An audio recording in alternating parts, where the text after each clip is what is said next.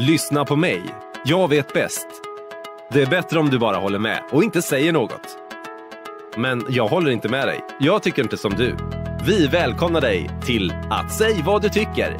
Live varje söndag 20.00. Nu sätter vi stopp för monologen och kör stenhårt på dialogen.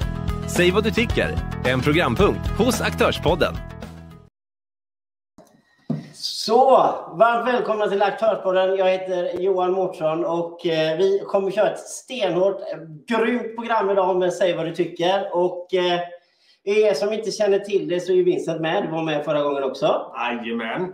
Ja, du får presentera dig Ja. Vincent. Vincent Nordgren heter jag, en kille från Lerum, precis som Johan. Eh, har kört, eh, ja, eh, är pluggar till vardags, driver ett gym och lite sånt roligt här. Men framförallt idag så har vi kollat på handbolls-EM där Sverige har tagit EM-guld. Kan det bli så mycket bättre? Och där har vi fått en kommentar från Johan Ekman. En vinst för Sverige i handbolls-EM. Sen lite säg vad du tycker. Kan det bli så mycket bättre än en söndagskväll? Det tycker jag inte. Eh, sådär, men vi har ju en agenda för dagen.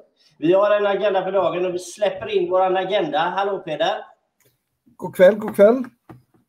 Hur, eh, vi börjar ju alltid lite med att vi pratar lite snabbt om vem Peder är. Jag tror, att, jag tror alla vet nästan vem Peder är. Men Peder har i alla fall eh, grundat Bensinupproret eh, som har varit väldigt aktivt här nu det sista. Peder tycker jag är skitroligt. Eh, men Peder, eh, hur har dagen varit så här långt? Dagen har varit en söndag så den har varit ganska lugn. Vi har ju haft lite problem med stormarna här omkring igår. Så att eh, man har fått vara ute på gården och städat upp lite och så. Men eh, det har varit ganska lugnt tack. Härligt, härligt. Eh, och det märkte vi också här i eh, Västsverige, eh, Floda, att det slog ju ordentligt på, eh, på rutorna idag. Men jag tänkte så här, även om de flesta känner till dig, skulle du vilja beskriva dig själv lite snabbt och även hur det kom sig att du startade bensinupproret och bränsleupproret för de som eh, klagar på den beteckningen? Absolut. Ehm, jag är då en helt vanlig industriarbetare. Utbildad billackerare i grund och botten. Som ehm, kom med i eh, bensinupproret i ett väldigt tidigt skede. Vi var ungefär, eh, jag tror 200-300 personer när jag kom in i det. Och eh, det var inte jag som grundade det, men det har varit vi som har lyft upp det. Han som grundade det som heter Janne Berglund, han hoppade av tåget den 19 maj 2019 när vi var på väg att bli extremt stora. Då kände han att han helst orkade inte med för han, han var gammal. Så att, ehm, ja, nej men det, det är väl kort och gott om mig. Men alltså det här, vi vill ju veta lite mer om det Peder, eller jag vill ju veta i alla fall. Vi, så vi säger att ni kickade igång eh, verksamheten och så när det blev lite väl för mycket, alltså föreningen, eh, organisationen eller vad man nu ska kalla det, det blev lite för mycket. Då tog du över lite och så har du drivit det mestadels själv nu efter det då. Eh, från början så, så var det bara en Facebookgrupp. Och när Facebookgruppen blev inbjudna till riksdagen, då förmodar jag väl att Janne kände att det här blir för mycket för mig. Så i det läget då så klev han undan och lämnade över facklan helt och hållet till mig. Och eh, sedan efter det har vi bildat föreningen och vi har ju eh, efter många om och men nu äntligen lyckats få en organisation på plats. Så att eh, nu under valåret så har vi lagt väldigt mycket fokus då på att vi måste framstå som seriösa och inte då bara som en gnällande Facebookgrupp. Jo, precis. Och det är lite, lite just i det här seriositeten. För, för alla som har hängt med lite nu i kanalen så har du haft eh, väldigt många intervjuer med partiledare. Jag vet inte, jag har sett att du har träffat Ebba. Jag vet att du har träffat Ulf, det sista. Alltså Mm. vad, vad, vad, vad diskuteras lite när du träffar partiledarna? Alltså själva diskussionerna sker ju inte så mycket med partiledaren. Eh, partiledaren är ju den som är ansiktet utåt, precis som jag är ansiktet utåt för Bränsleupproret. Men diskussionen som vi har, det har vi ju mer eller mindre på en veckobasis med olika medlemmar från olika politiska partier. Sen kan det vara ena veckan att vi diskuterar med KD och eh, de säger till exempel nej till sänkta bränsleskatter. Men istället då så säger de ja till att sänka reduceringsplikten. I det läget då så är det min sak att försöka få ihop KD tillsammans med de andra partierna så att det här kan gå igenom. Ja, men precis. Eh, och, eh, och om du då skulle få beskriva lite av er aktivitet inom Bränsleupproret. Eh, hur har den varit på senaste Har den påverkats av covid-19? Är det några större förändringar som har skett i verksamheten? Ja, det är det. när covid-19 slog till så hade vi ju budgeterat en rörelse för ungefär 70 miljoner kronor att vi skulle ha som en budget. Vi hade samarbetsavtal på gång med bränslebolag, med reklambolag. Allting gick ju stöpet med corona. Så att eh, vi kunde inte komma ut och träffa folk. Så vi har ju fört en opinionsbildning väldigt starkt online på nätet. Vi har ju träffat då olika politiker under den här tiden, men vi har inte kunnat dra ut folket ännu tack vare detta. Okej, okay, men eh, så, så, så käpparna hjulet på covid-19. Så mm. nu har ni startat om hela processen igen. Alltså hur, i den här omstarten nu, hur långt känner du att ni har kommit då? Vi har kommit mycket längre än vad jag hade hoppats på. Eh, dels, dels för att vi har fakt fått faktiskt gehör ifrån de flesta politiska partierna nu. Under första året så var det ju inte ens någon som ville nämna oss eller prata med oss. Men eh, nu har vi i alla fall kommit till den graden så att vi är en, uh, låt oss kalla det för accepterad rörelse och inte en ehm, um, foliehattsrörelse. Alla vet om att vi vill inte, på, vi vill inte ta bort um, självaste elbilen. Vi vill inte ta bort självaste fossilbilen. Det vi förespråkar är att varje individ måste kunna välja det som är bäst för dem. Vare sig det handlar om en fossilbil eller en hybridbil eller en elbil. Det ska vara upp till mig att välja som individ vilket som passar mig bäst. Och sen att vi då har ja, hitta på skatter och påslag och så vidare för att vi ska riktas åt ett håll. Innan vi riktas åt det hållet så måste ju saker och ting vara på plats. Det måste ju funka. Ja, men precis, man kanske skulle kunna jämföra era röst numera som om man pratar miljöskyddsfrågor så har vi Naturskyddsföreningen och om man pratar bränslefrågor så kan man kanske man kan jämföra det med bensinupproret. Vi har fått en sådan, att man har blivit en part att förhandla med som har lite impact också. Ja, alltså, vi, vi blir ju tillfrågade om olika saker, även ifrån högre instanser, där de vill höra vår input. Och eh, vi har ju lyckats nå ut på den nivån så att vi påverkar ju väldigt starkt i de politiska frågorna här. Eh, och då för de som inte är insatta i bensinupproret, vad är det för exakta konkreta mål som man driver och hur, hur vill man uppnå dem? Alltså de konkreta målen som vi driver är ju då dels då sänkt bränsleskatter. Men nu är det ju också att vi vill ju få ner reduktionsplikten och det måste ju ske väldigt snabbt därför att reduktionsplikten som vi har idag och biobränslena är ju så dyra så att det äter ju upp precis allting. Och eh, sen har vi även då, vi har reseersättningen, vi har eh, indexeringen. Här är många saker som är knutna till bilen som, som vi har lyft upp. Sen även då energiskatten. Energiskatten är jätteviktig. Men lite där, så jag menar, det är ju alltid svårt att sätta konkret. Jag, jag har några följdfrågor, men vi börjar med den första. Alltså, finns, det någon, alltså, finns det någon gräns där man känner att det ska kosta den här kronan? Om vi börjar med vad drivmedlet är. Alltså hur mycket, i dagens så kan man ju nästan säga, vad är det, 100 upp ungefär? Eh, mot vad, vad, vad, tillverkningspriset är eller vad försäljningen är, vad du, vad du köper själva liksom bensinen eller dieseln för. Finns det någon gräns man vill komma till? Är det 50 procent? Är det 75 procent? Eller finns det någon? Alltså just nu, så tack vare reduceringsplikten, eller reduktionsplikten, förlåt mig, reduktionsplikten.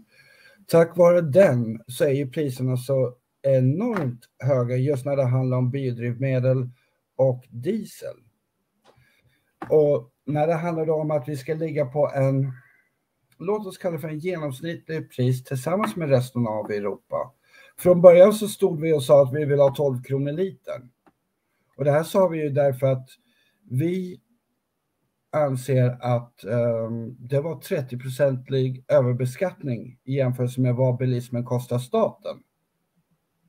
Men vi har ju gått långt förbi det där nu.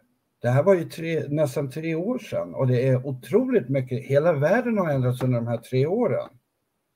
Delvis tack vare pandemin. Men det, det vi vill se i varje fall är att vi ska ju inte ligga på en annan nivå än övriga Europa när det handlar om skatter, när det handlar om biodrivmedel, utan det måste vara lika för alla. Jag tar min andra fråga där och det som är det mest intressanta säkert för många som, som är ute eh, och lyssnar, det är också så här.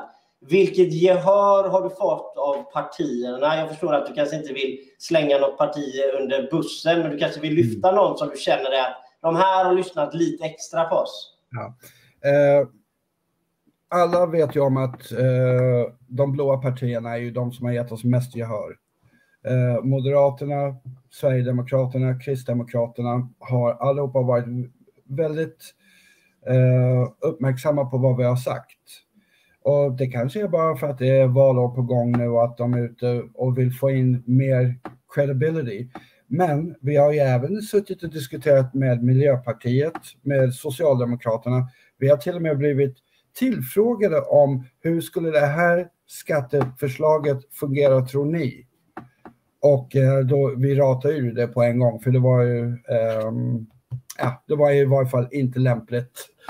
Så jag skulle vilja säga att de som inte har gett oss något gehör än så länge överhuvudtaget, det är ju Vänsterpartiet. Vi har ju träffat dem, vi har pratat lite som hastigast med dem, men det finns ju, det är svårt att få igång diskussioner där.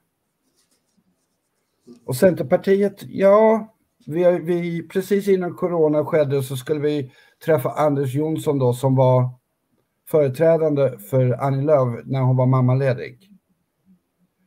Och jag har ju sträckt ut mig till eh, Centerpartiet många, många gånger sedan dess. Så att eh, vi får hoppas att nu när vi har Ebba, Jim, Jimmy Åkesson ska jag träffa på onsdag och eh, Ulf eh, Kristersson bakom oss i partifrågorna, eller inte partifrågorna, i partiledarintervjuerna. Så får vi ju se att de andra också kommer upp till plattan. Det var ju väldigt intressant det här för att samtidigt i vår andra talkshow, Lerum Talk, som du har också gästat, mm. då var även Niklas Wykman där. Han tog ju upp de här eh, skatterna och kallade dem för tramsskatter och skatter som jävlas med folk. Ja, eh, det vill säga att, ja, precis det, utan att det är just en kassako från, för staten då, att man ser att man kan få in eh, relativt eh, stora skatteintäkter genom att öka beskattningen här. Eh, Johan, du hade någon uppgift där på vad den här eh, skattesänkningen som kom i senaste budgeten eh, gav för eh, ja, det var, nettokostnad. Ja, det var 40 öre och då har man budgeterat med att eh, få in 2,4 miljarder mindre och då snackar vi 40 öre. Eh, mm. på drivmedlet eh, och då, då är det 2,4 miljarder om man budgeterat. Sen mm. får man veta det att budgeten emot eh, vad det verkligen blir, det vet man ju inte. Men någonstans där ger, ger alltså 40 öre i pris. Mm. Men vi ska ta en liten fråga av Peder. Av Peder till Peder. Hur ska vi kunna få våra folkvalda att förstå att övriga världen skrattar åt oss och våra dieselpriser? Mm. Ehm, jag uppmärksammade förra året en, eh, en stor tidning då som heter Forbes. De gick ut, de är ju världskända inom ekonomi och sådant. De gick ut och eh, skrev rakt ut att Sverige är skrattretande nära gränsen till idioti när det handlar om vår rädsla för eh, miljöförstöring och kärnkraft.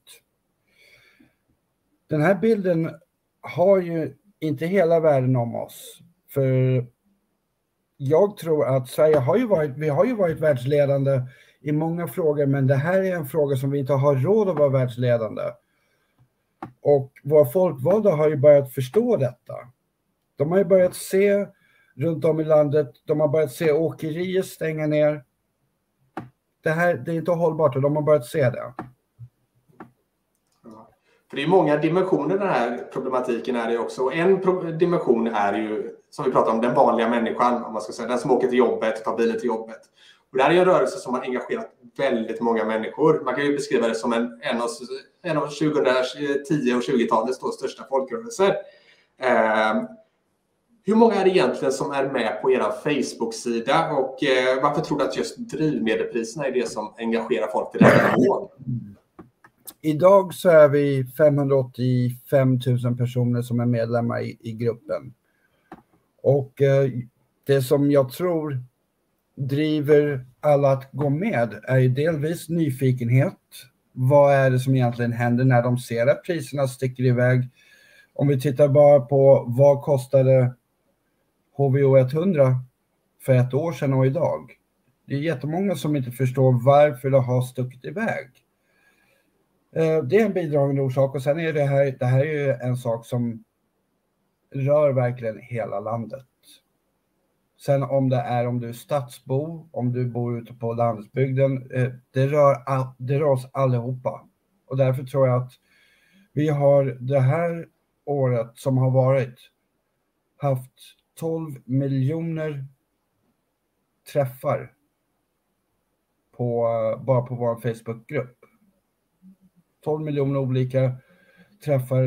Eh, jag personligen har haft över miljonen med eh, reaktioner på, på mina inlägg. Och när man tänker så här då, när en grupp som är på 580 000 personer så låter det som, ja men en miljon, jag, hade, jag tror det var 1,3 miljoner reaktioner. Det är samma sak som om alla skulle bara ge en reaktion två gånger. Men det viktigaste är att förstå att speciellt när det handlar om sociala medier och Facebook, vi styr ju ingenting om hur mycket som egentligen kommer ut till människor där, utan här är människor som själva söker sig till uppgifterna. Det är väldigt liten procent som, som det hamnar i tidslinjen hos, utan människor känner ett, ans ett undersökningsansvar i detta nu. Och det tror jag att vi står mycket, mycket till, till, eh, till svars för. Att det är mycket tack vare hur vi har drivit den här frågan under snart tre års tid.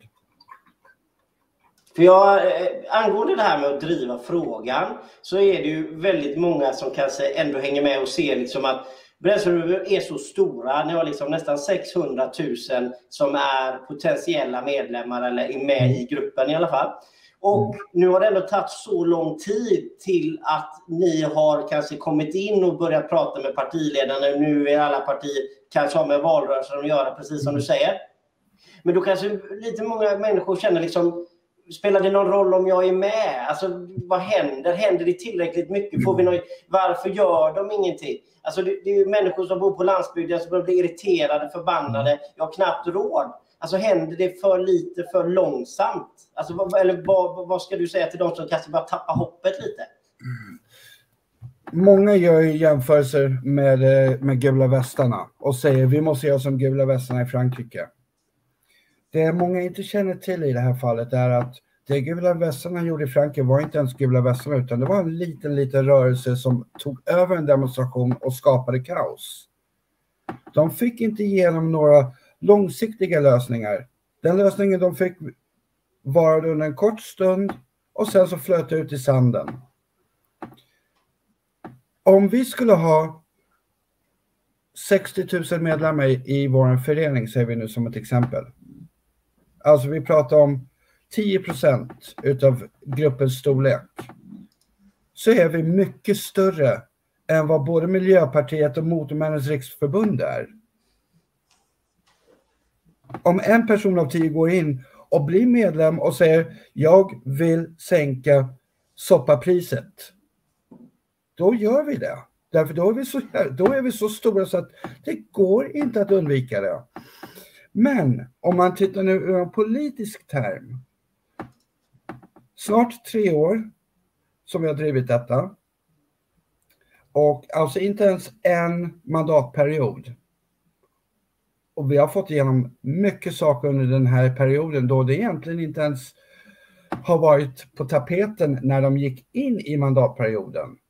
Men vi har förhindrat skattehöjningar. Vi har utbildat i princip 10 procent av Sveriges befolkning i den här frågan.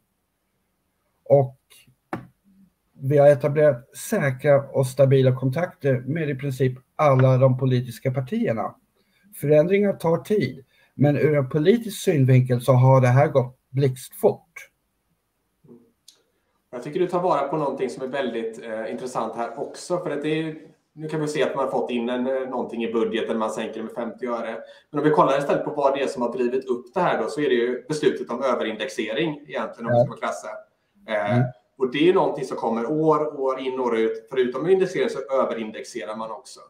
Och det är mm. det så, så, att de långsiktiga besluten och de goda kontakterna och inte bara den enstaka knivstöten eller dolkstöten som man brukar säga eh, är ju det som faktiskt har långsiktig effekt och en effekt för mm. människors vardag och inte kan ge politiker någonting att klappa sig på axeln. Kolla nu vad duktiga vi är. Vi har sänkt med 50 mm. öre och sen så nästa mandatperiod så höjer vi smyghöjer vi det igen med överindexeringen. Eh, så det är en väldigt viktig aspekt också där.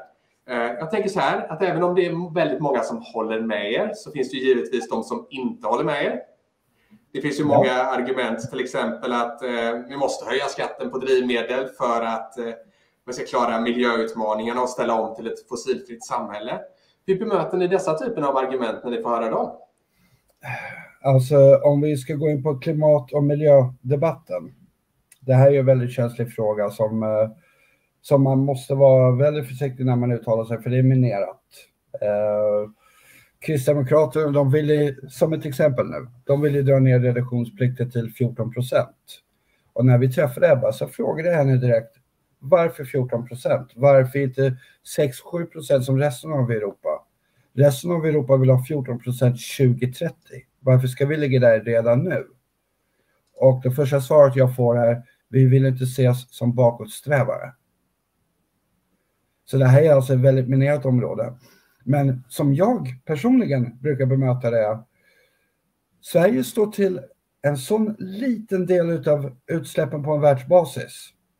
Så om vi har 0,2 procent så tar våra skogar hand om det oavsett om vi pröjsar 100 procent i skatt eller om vi har mer reduktionsplikt. Om vi tittar mot Tyskland så finns det 55 miljoner bilar som ska börja gå på biodrivmedel i sin bensin, precis som här. Hade vi haft, säg 8 procent och övriga Europa hade haft 8 procent i reduktionsplikten, då hade man ju varit enhetligt samlade plus att man hade sett och kunnat mäta en skillnad. Men om vi står och har 30, 30 procent och alla andra har 5 procent. Det finns ingen mätbar skillnad överhuvudtaget. Vi kan inte se någon skillnad överhuvudtaget i det. Förutom att ja, det är våra, våra medborgare som betalar alldeles för mycket. Det är nog den mest mätbara skillnaden. Ja, för, för jag tittade på lite staplar innan. Jag tror att det var från 2020 och då pratade vi, eller då stod det i statistikmässigt att vi hade 31 procent på transportsektorn i CO2-utsläpp. Så att mm. alltså bilen är 31 procent 2020 och då får vi inte tänka in liksom hur många bilar det är som också har gått över till el. Så att troligtvis kommer ju det kanske till och med att sjunka lite. För det har ju sjunkit under covid-19. Så det ska bli roligt att se eh, nya statistiken som kommer. Och då är meningen, vad jag eh, frågar dig då Peder, det är att om vi ska ha en skatt, energiskatt, alltså kallade koldioxidskatt och, och, och den här, när, alltså det, bilen och transportsektorn är ju en, en, ändå inte så otroligt stor. Det är ju inte över 50 procent menar jag ju. Och då tänker jag att i paritet till att det bara är 31 procent, finns det någon känsla då att, att hur hög ska koldioxidskatten vara för transportsektorn när den står bara för 31 procent av utsläppen? Det står ju i grundlagen att bilismen ska stå för sin egen kostnad. Bättre svar än så kan jag inte säga. Jag är inte tillräckligt utbildad för att kunna säga vilka procentsatser vi ska ha på det ena eller det andra. Men det måste finnas en rimlighet. Det finns ju ingen rimlighet att, att industrier ska betala 20 öre per kilo koldioxid och privatpersoner ska stå och betala nästan 2,40 för varje kilo koldioxid de släpper ut. Det, I min värld borde det vara precis tvärtom. Jag tycker det är ett väldigt rimligt svar också, för att det är det som man brukar prata om också, de negativa externaliteterna om man ska täcka kostnaden av dem.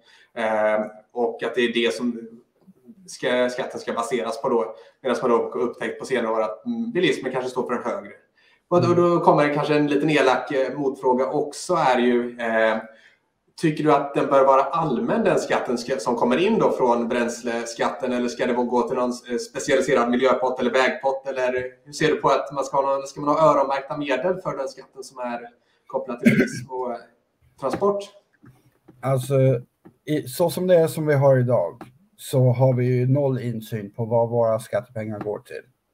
Vi ser att, ja okej, okay, vi har så här mycket som går, vi har, låt oss säga som du kollade, staplar men individen i sig har ju ingen som helst förståelse eller insyn i de här staplarna. Jag tror att man ska kunna redovisa det bättre och man ska ju inte sikta på att behålla, alltså om vi nu tittar på transportsektorn i helhet. Eh, när vi startade så fick vi då siffror från en tankesmedja att vi var överbeskattade med ungefär 30 procent. Vilket innebar eh, 21 miljarder. Men räknar man med alla inkomster som är fordonsrelaterade, alltså vägskatt, eh, typ sådana saker, böter och så vidare.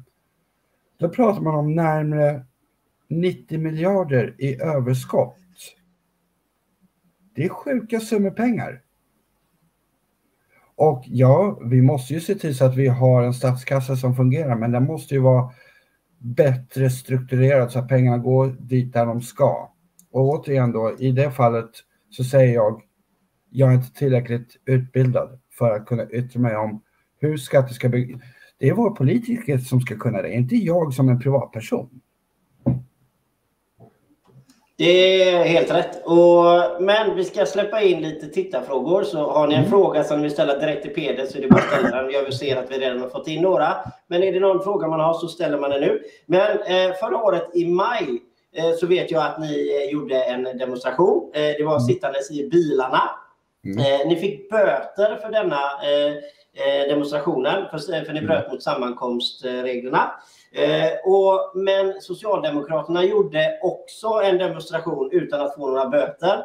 Mm. Eh, du har säkert bättre koll på händelseförloppet än vad vi har och jag vill undra lite om du kunde utveckla vad, vad, vad som var skillnaden mellan hela demonstrationen.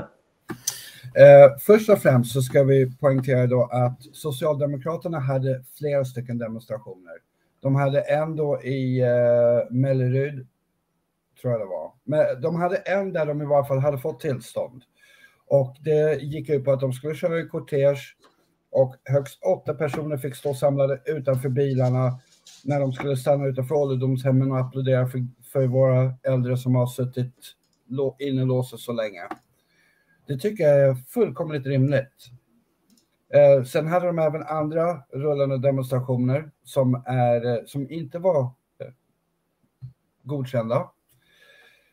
Och eh, jag sökte aldrig ett tillstånd då jag anser att sitta i min bil kan aldrig vara eh, tillstånds... Alltså, jag ska inte behöva ha tillstånd för att sitta i min egen bil. Eh, men jag pratade med polisen i förväg och polisen hade då sagt till mig att så länge vi inte har opinionsbildande material så ser de inga problem med det. Då kan vi samlas. Därför att det är den opinionsbildande materialen, till exempel klistermärken eller banderoller, som gör att det blir en allmän sammankomst. Eh, dag, dag, två, två, dagar innan vi ska ha själva evenemanget så ringer då en polis upp mig och säger att de har bestämt tvärtom nu.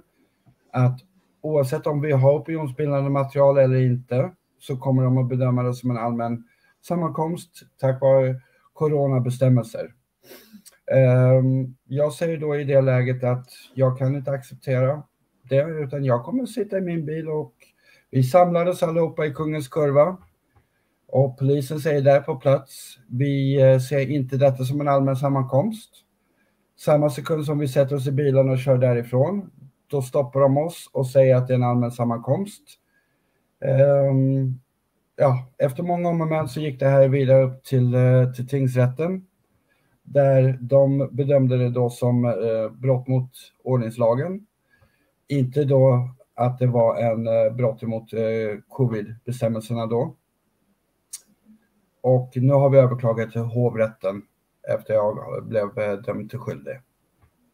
Ungefär så. Men då, jag, jag måste, alltså, vad, vad, alltså, är det inte ganska sur smak av det liksom, på något sätt när man ser andra kanske de gör det och så gör vi det och så men vi är ju inget politiskt parti utan vi gör ju det här av vår fri vilja. Vi är privatpersoner som vill protestera mot något. Vi tycker inte det här är okej. Blir, det inte, blir man inte lite, knyter man inte näven i fickan lite så att säga på ett svenskt sätt? Jo, för fan, det gör man. Och uh, det är jättemånga som, som har visat stöttning i detta. Ehm, jag har ju som sagt i Bränsleupproret i dagsläget så har jag ingen inkomst. Så människor har hjälpt mig med bötespengar, med uh, vitespengar till advokaten, uh, advokatskostnader och så vidare. Väldigt många visar sitt missnöje genom att hjälpa till på det sättet. Och sen så är det ju faktiskt folk som kommer till själva rättegången som har stått där. Så att uh, det svenska sättet tror jag är mer att man, man knyter händerna i fickan och man svär för sig själv. Men jag tror att vi är på väg förbi det. Förra helgen såg vi den här jättedemonstrationen i Stockholm. Och fram till dess så trodde jag inte att det var möjligt att vi ens skulle se en demonstration i Sverige som innehöll tusentals människor. Mm, det är otroligt bra. Vi ska, vi ska som sagt lyfta in lite tittarfrågor och vi har fått in en här till eh, av Peder. Och Peder säger följande. Etanolprojektet var kanon. Många köpte eh, flexfuelbilar. Eh, fulbilar. Fuel. Eh, etanolpriset gick upp 70-80 %. Dieseln eh, bästa som fanns för fyra år sedan. Nu är dieseln 50 % dyrare. Konsumenten luras hela tiden på grund av skatterna pengarna ska in. Och vad är din känsla av det Peder? Att man hela tiden eh, subventionerar någonting, man sänker skatter på någonting och sen helt plötsligt när tillräckligt många har köpt in det, nu ska vi beskatta er. Hur, hur känner du över det? Det är eh, dålig planering och eh, rent av lurendrejeri. Om vi tittar då på just det här som eh, Peder Jakobsson säger.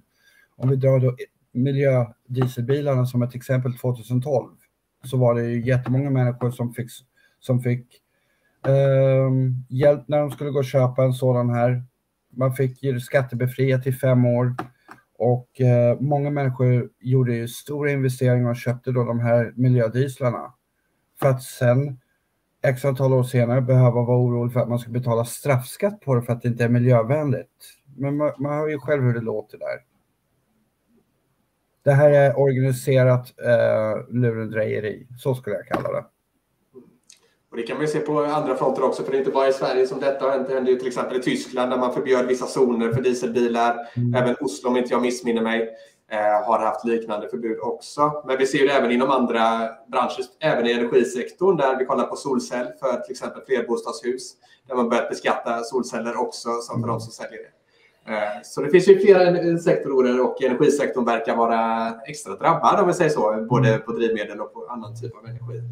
Vi har även fått in lite kommentarer i förväg så jag kommer behöva läsa innantill för att jag har det korrekt. Eh, en var från Annika Torp som kommenterade att eh, detta drabbar de som har minst pengar, tänker att vara ensamstående till exempel och inte har råd att ta sig in till jobbet. Socialen får många framöver. Och precis som Annika säger så är ju detta något som eh, drabbar personer med en svag ekonomi lite hårdare. Detta då de är ofta i behov av bilen oavsett vad bränslepriset är. Det är ju vi samtliga. Eh, och dessutom är det inte möjligt att om man har en eh, lite sämre ekonomi att köpa en ny elbil till exempel. Eh, så då blir marginalerna mindre. Eh, så det är någonting som jag personligen reflekterar kommer ju slå hårdare mot den som lever på marginalerna. Hur ser du på detta Peder? Vi får aldrig låta energi bli en klassfråga. Och det är precis vad vi ser idag. Energi, med det räknas ju även bränslen. Det är på väg att bli en klassfråga på många sätt och det får inte ske. Helt enkelt. Men alltså, det, när du säger det, här, det får inte ske. Men eh, på något sätt så ska jag inte sticka ut hakan och säga det, det har ju nästan redan skett. Så att, och, och, och, och, sättet då för att backa bandet lite då, då tycker ju givetvis Peder att man ska gå med i bensinupproret. Och då, jag vet att du pratar lite där med donationer och sånt. Eh, att du, om man ska börja. Var gör man det någonstans? Har ni någon hemsida? För människor som tittar. Vad, vad gör man om man skulle vilja stötta? Om man vill gå med och säga så här, ja Johan här, jag vill hålla en demonstration i Lerums centrum till exempel. Ja. Och så vill, vill, vill man ju ändå ha, veta att man har kanske dig och arresterande i ryggen. Vad, vad gör man? Det? Det är, ju, det, är ju det, här, det är ju den här typen av folkligheten som vi behöver. Därför att så som det har varit under sista året så har det mer eller mindre varit jag som har farit land och rike runt för att prata med olika individer, försökt att hålla i demonstrationer, försökt att planera. Och det här är en organisation som har vuxit något otroligt rent organisatoriskt. Så att vill man vara delaktig och till exempel skapa en demonstration, gå in på vår hemsida då. Det är eh, bränsleupproret.se.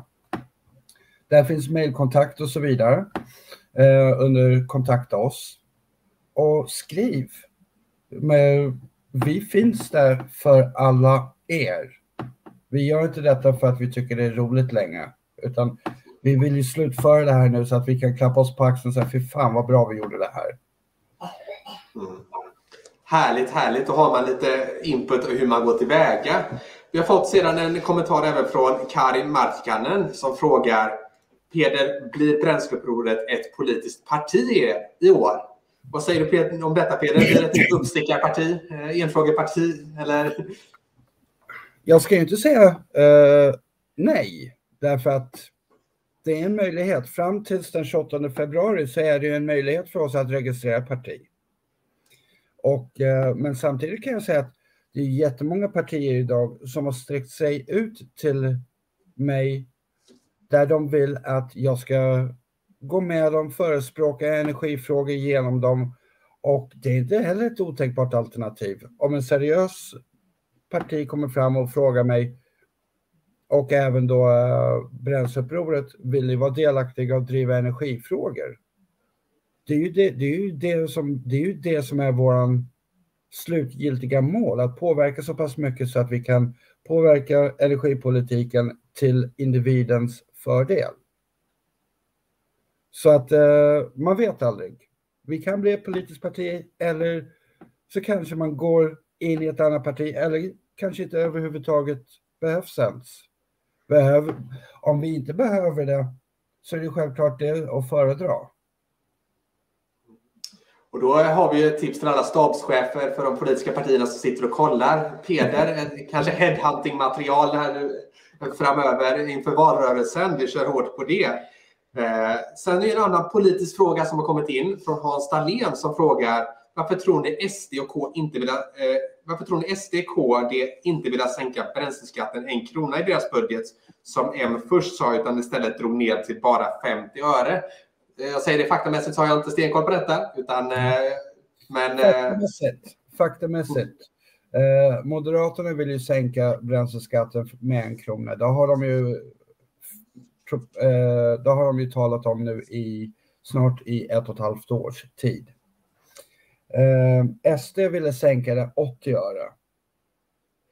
KD ville inte sänka bränsleskatten alls. Utan eh, det blev istället att KD ville gå via reduktionsplikten för det rör inte statskassan. Och nu har SD gått ut även då med att de vill sänka det, reduktionsplikten då till 5% vilket eh, jag givetvis välkomnar för att det skulle innebära en enorm prisförändring när det handlar om eh, bränsleskatterna. Men i detta nu så ska man ju också se att Moderaterna har inte hunnit komma ut med sin, ska vi säga, sitt bud, om jag kan uttrycka mig på det viset. Men det kommer ju komma inom kort och även ifrån Centern därför att landsbygden är ju på Centern väldigt hårt just nu om att de måste ändra sin policies och sin politik. Ja. Och sen så får vi ha med oss lite kring hur budgetarbetet också. Jag kan tänka mig att det nästkommande budget som man lägger tillsammans, att det kanske blir ännu större sänkningar då, då man inte bara lägger ändringsbudgetar utifrån förslaget som man får ut. Då. För det är ju relativt liten del som man ändå påverkade i den stora budgeten som eh, ursprungsförslaget var, den som man fick igenom nu i höstas? Eh, förlåt mig en sekund. När det handlar om eh, själva budgetförslagen så eh, Jag tror att det handlar om att det ska bli accepterat först att det här är okej okay att diskutera. Och det, det, det, det är ju dit vi har kommit nu. Nu är det okej okay att diskutera saker och ting om att hjälper det egentligen klimatet? Hur mycket hjälper det miljön? Och det är härifrån nu som vi har en start, eh, ett startskott helt enkelt på, okej, okay, nu under valåret, hur mycket ytterligare kan vi påverka?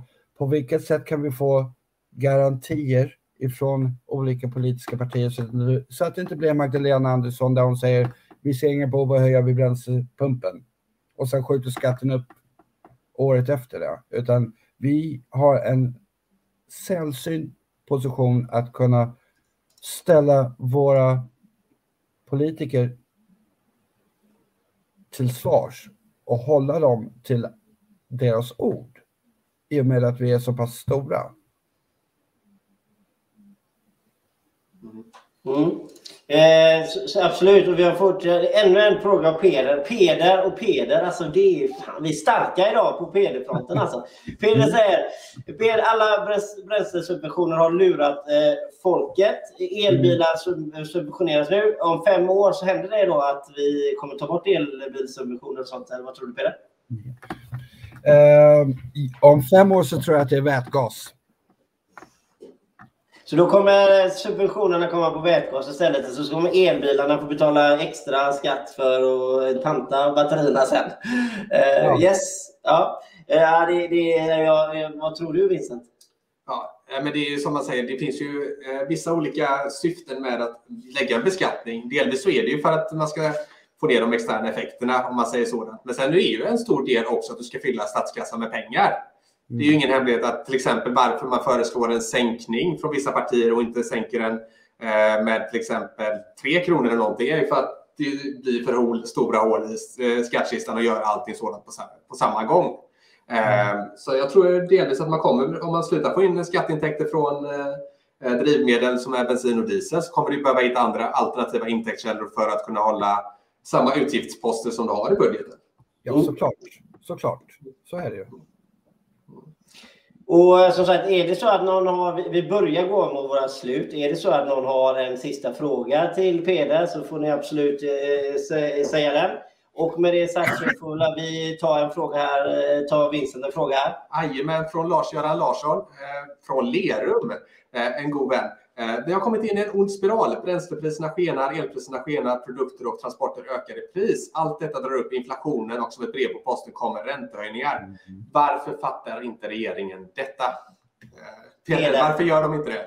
Ja, det, eh, visst förstår de det. Det här var en sak som jag faktiskt eh, tog upp med Ebba Busch när vi satt och pratade. Och, eh, så just nu, så som eh, Lars-Göran Larsson säger, så har vi en situation som, nu höll jag på att säga vi har skapat, men som politikerna har skapat som gör att det är extremt jävla känsligt för oss när det handlar om ekonomi. Inflationen är på väg. Vi har eh, helt enkelt en situation där vi får mindre för pengarna. Det här blir en ond cirkel. Man behöver inte vara ett geni för att se det. Om man väljer att se det eller om man väljer att bortse ifrån det Eh, varför vi, det är den frågan vi ska ställa istället. Varför väljer de att inte se situationen som den är? Och där har jag en liten, alltså, vi kan ju, kanske du i och för sig också, vi kanske, vi kanske också lägger in lite i det här och jag kan ju säga det att jag tycker ju det är, eh, det är ju rent ut sagt lite pinsamt om jag får säga ur din egen aspekt att man det här är ju någonting som man har sett i nästan tio år, att det här kan vara en potentiell utveckling och att man inte har gjort någonting förrän det väl inträffar. Det, då blir man ju tagen på sängen. Alltså det, det blir, alltså för mig så är det ju så här att det är, lite, det är lite pinsamt, nästan lite genant att prata om, alltså hur vi kan komma till det läget vi är idag, tycker jag personligen. Men hur många gånger ska vi hamna i den situationen där de säger vi såg inte det komma? Eh, vi kommer nog hamna där, vi kommer nog hamna där om och om igen. Allting handlar ju om lite, lite som den rörelse som du driver Peder, utan det handlar ju nog att, att människor säger att vi, vi ställer krav på er att ni mm. kanske inte måste alltid ta de mest bekväma besluten. Ibland får ni ta det tuffa beslutet för att ni ser att det blir bättre längre fram. Att man, ibland så mm. kanske man inte tar det, man gör inte en opinionsmätning om någonting. vem, vad tycker folk om bäst? Okej, då måste vi gå den vägen. Utan man kanske Mm. säger att det kommer bli bättre så här och så får man låta folk börja lita på politiker igen, att de ju tar de besluten. Så det är en liten ond cirkel där med. Jag tror ju också att det finns något här i att man ogärna... Det finns vissa icke-beslut som är väldigt bekväma att ta, till exempel. Att, eh, och även vad som är gott då när man inte kollar på helheten. I beslutet då till exempel om att stänga ner kärnkraft. Så vi måste ju vara, eh, det här är, vi måste förvara kärnbränslet och liknande. Det är en sådan fråga till exempel. Och, eh, medan man då tappar helhetsbilden. Vi har ju sett samma sak i Tyskland och där är ju rätt intressant om man kollar den politiska utvecklingen.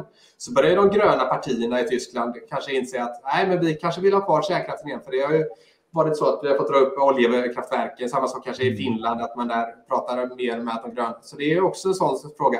Vilka pratar de som profilerar sig som miljöpartier med? Pratar man eh, med eh, industrin som eh, och försöker påverka inifrån och hjälpa till och framföra en sådan teknisk utveckling? Eller är det så att man kommer med straffar och avgifter? Nej, jag, eh, jag har suttit med en, ehm, en tysk politiker från deras motsvarighet till Kristdemokraterna. Och eh, vi har ju blivit ombedda många gånger att starta upp en liknande rörelse i, även i Tyskland, vilket vi nu tittar på. Konsekvensanalys i detta är liksom A och O. Det du beskrev nyss Johan, när det handlar om att vi ska kunna börja lita på våra politiker att de ska ta de rätta besluten. Om vi tittar på Miljöpartiet som ett exempel där. De har haft förtroende. Har de tagit de rätta besluten? De har följt sina, ide sina idealer. De har följt vad den här lilla 4 gruppen vad de har för önskemål. Vi kan inte sätta en sån liten andel i en sån position som påverkar så många andra. Utan vi måste ju ha ordentliga konsekvensanalyser där vi ser vad händer om eh, ett år om vi gör det här, vad händer om fem år och vad händer om 15 år som ett exempel. Det måste finnas grundliga konsekvensanalyser helt enkelt. Vi får inte komma och säga vi såg inte det komma. Vi kan säga som ett perfekt exempel biobränslet. De räknar med reduktionsplikten att den skulle gå upp högst 40, 40 öre under ett år. Och var står vi nu? Det har gått upp mer än 40 öre på bara 30 dagar. Inte ens en månad in på året har gått och vi har redan spräckt vad de trodde det skulle gå under hela året. Ja, Men jag har en, där, jag har en följdfråga där. Eh, Det är ju, alltså, vad är det partierna behöver göra då för att få ert stöd? lyssna på människor, lyssna på folket. Och inse att vi måste ta hand om våra egna först innan vi kan rädda världen. Det är så enkelt. Och eh, här har jag en fråga också. Detta tangerar ju ett annat ämne som ligger varmt om hjärtat. Det är ju lite statsvetenskap i detta också. Hur det kommer sig att de här eh, mindre partierna får ett så pass stort inflytande. För där vill jag hävda att det också har med det valsystemet vi har att göra. Det vill säga eh, hur hög procentspärren är. För att man måste räkna till 51 någonstans för att ha majoritet. Och är det så att det skiljer på fyra och då har man rätt stor förhandlingskraft där Mm. också. Ja, så Eh, det. Så att det är en sån sak också som man kan ha med sig. Hur sätter man upp valsystemet? Hur är det så att ska man ha någon högre spärr, Mm. val- valspärr för att komma in? Och, eller ska vi ha ett majoritetsvalsystem? Ska vi räkna med rangordning?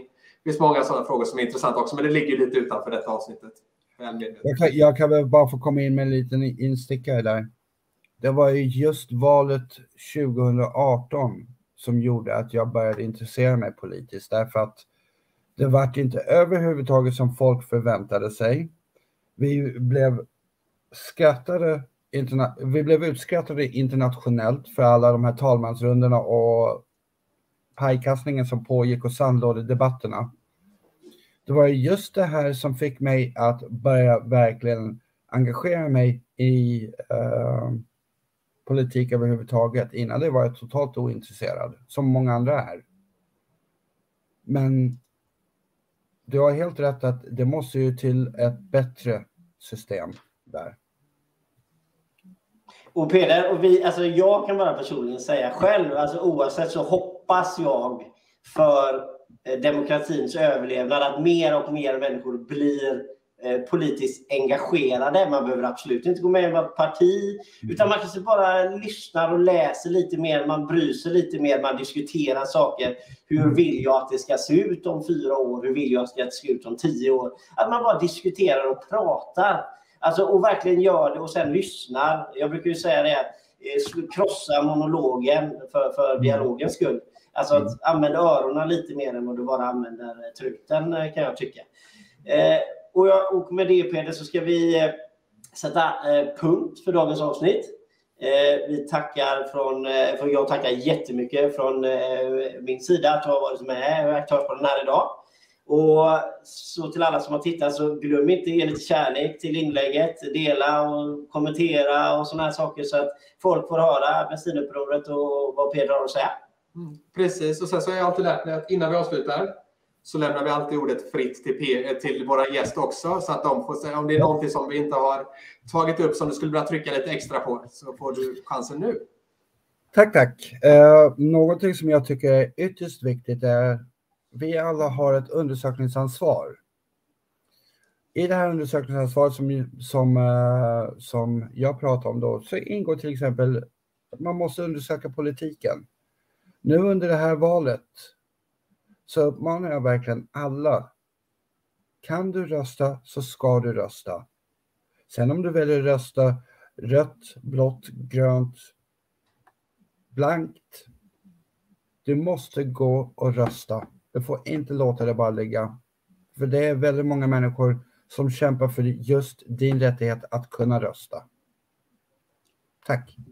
Väldigt kloka ord Peder. Och det, ett annat sånt talesätt är också vi får de politiker vi förtjänar. Det gäller som, precis som Peder gör att sätta krav på våra politiker. Och för dig som vill ändra någonting, antingen om du engagerar dig politiskt eller om du engagerar dig politiskt i någon förening eller något, så är det bara positivt. Få din röst hörd och eh, tycker du att någon politiker är dålig, sök själv. Det kanske är just du som är nästa statsminister också. Eh, mm. Men med de orden så får vi avsluta dagens avsnitt. Det gör vi. Stort tack till alla som har tittat. Jättetack till dig Peder och hoppas ni får en fortsatt trevlig kväll. Tack från oss. Lyssna på mig.